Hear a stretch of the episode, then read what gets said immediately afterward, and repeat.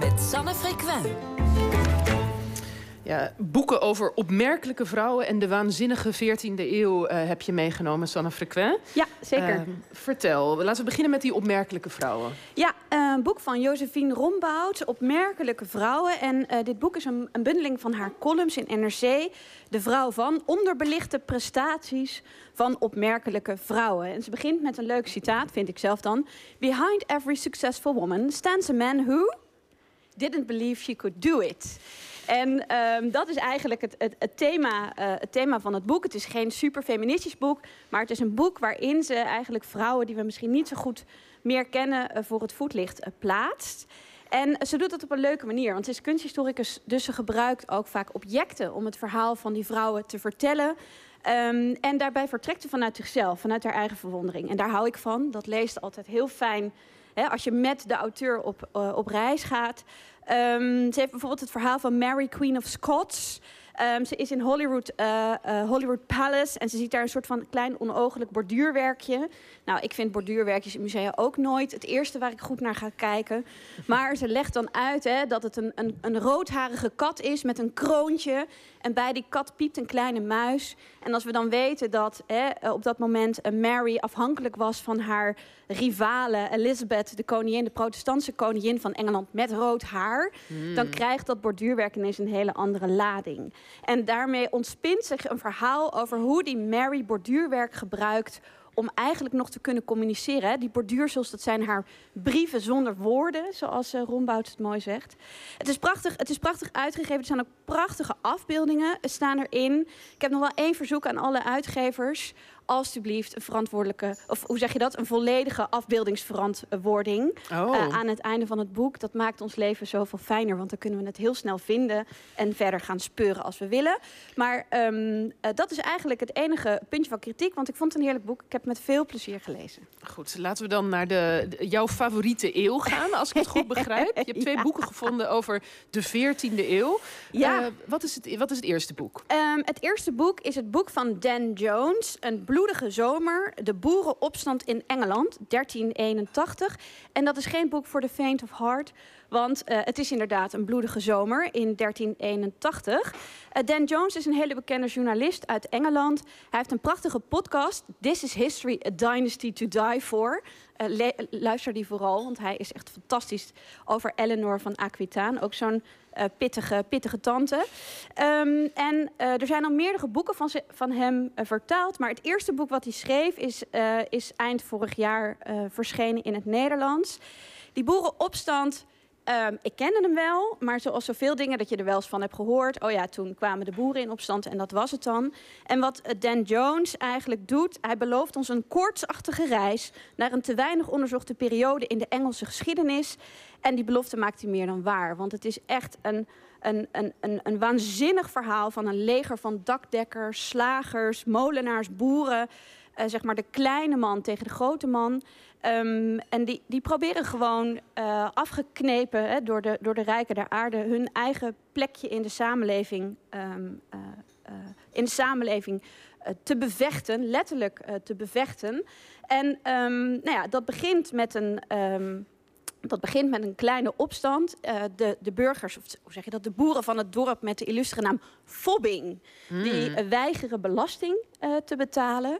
En dat is eigenlijk een soort veenbrand die zich uitspreidt over heel Engeland. En dat cumuleert in een belegering van Londen. Dus al die arbeiders, handwerkers, die trekken op naar Londen en die, die richten daar een verschrikkelijke slachting uh, richtte die aan. En ik wilde even een citaatje van Chaucer, want hij, hij put erg uit de uh, historische bronnen. Ze schreeuwden als in helse duivelsnachten, de eenden ook, alsof mensen wou slachten. Uit angst vlogen de ganzen in de bomen, de zwerm was uit de bijenkorf gekomen. Zo baarlijk was het lawaai, o gods ellende, dat Jack Stroll en zijn hele boerenbende zoveel geschreeuw zelfs niet uit kon braken toen zij de Vlamingen af wilden maken. En het zijn dus ook die Vlaamse handelaren in, uh, in Engeland die letterlijk het loodje leggen. waarom de Vlamingen? Ja, die, uh, die waren, waren rijk en die waren op de hand van de, van de overheersers. En die kregen de schuld, uh, zoals um, mensen vaker de schuld krijgen. Um, wat aardig is, en dat is wel belangrijk om te benadrukken... en dat is het grote verschil met het andere boek dat ik ga bespreken... is dat die boeren, die zijn niet anti koning. Hè? Er mhm. zit op dat moment een zwakke koning in Engeland, Richard II. En die wordt omringd door een hele kliek van raadgevers. En eigenlijk de raadgevers zijn de, zijn de boemannen, zijn degene die het, um, die het slecht doen. En die boeren die proberen dus steeds hun koning te vragen van... kom nou voor ons op, help ons nou. Um, heerlijk boek echt een heerlijk boek. Lees het. Uh, lees ja, het en toch nog eventjes, ik bedoel, een boerenopstand, hoe groot ook, uit 1381. Waarom is dat eigenlijk belangrijk? Waarom is dat zo belangrijk dat hij daar een heel boek aan wijdt als, als, als journalist? Dat is eh, niet om, zomaar een obscure geschiedenis, toch? Nee, nee, nou ja, het is natuurlijk wel een obscure geschiedenis... in de zin van dat we allemaal weten dat het een boerenopstand is. De verhalen die we over hebben van die boerenopstand... zijn vaak ook de verhalen uit de mond van de overwinnaars. Hè, want dat zijn de mensen die schrijven, de, de geestelijke, uh, de adel laat kronieken uh, schrijven. En die, die zijn natuurlijk altijd met een bepaalde bril, gekleurde bril, overgeleverd. En uh, juist door goed te, te speuren vind je het hele verhaal. En dan blijkt dus dat die hè, ongeorganiseerde bende boeren eigenlijk heel goed georganiseerd was.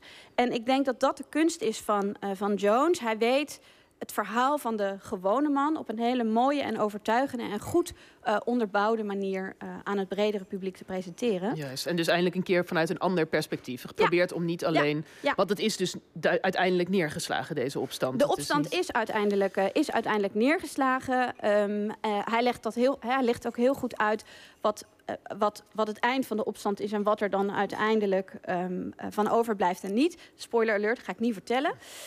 Um, ik denk ook dat het een aardig boek is, omdat we, zeiden het al, die 14e eeuw is mijn lievelingseeuw omdat er in die 14e eeuw een hele hoop gebeurt. Er zijn opstanden, de 100-jarige oorlog, pestepidemieën, hongersnoden. Uh, ooit beschreven door Barbara Tuckman, de waanzinnige 14e, uh, waanzinnige 14e eeuw. Er gebeurt dan veel, er, schu er schuift veel en het is gewoon heel razend interessant. Ja, en ja. Uh, daar gaat het tweede boek ook deels ja. over, maar dan over deze 14e eeuw in Vlaanderen, geloof ik. Ja, het boek Vlaanderens Waanzinnige Eeuw, 1297 tot 1385, door Joren Vermeers. Het is een monster van meer dan 500 pagina's. Dus wie het wil gaan lezen moet wel even uh, tijd uit, uh, uittrekken. En in dat boek schetst Vermeers eigenlijk dezelfde periode, die 14e eeuw in, uh, in Vlaanderen.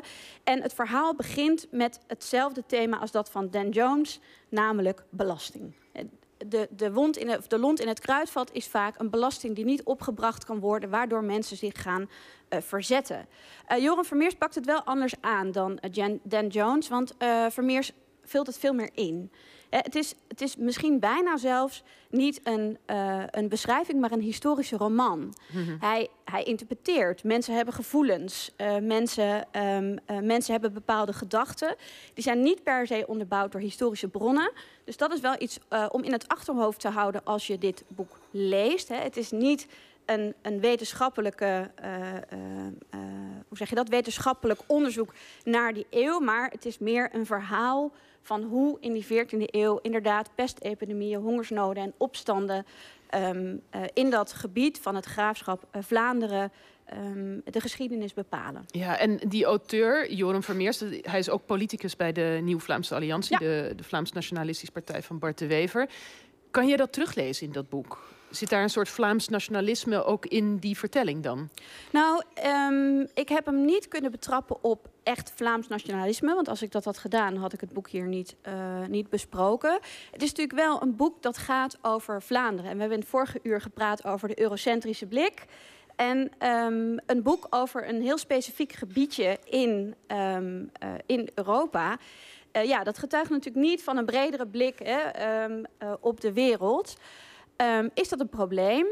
Um, dat, er is in Vlaanderen een discussie, een discussie uh, gaande, bijvoorbeeld over de kanon van Vlaanderen. Er was heel veel kritiek op, omdat die um, werd gefinancierd door die NVA.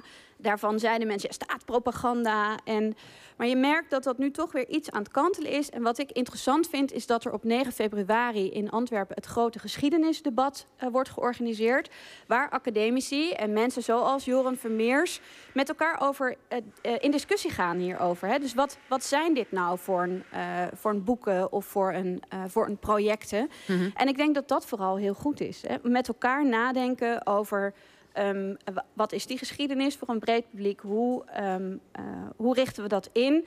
En zorgen dat iedereen een stem heeft. Oké, okay, dankjewel Sanne Frequent. En uh, de titels van de boeken die je besprak, die staan op onze website. Ja.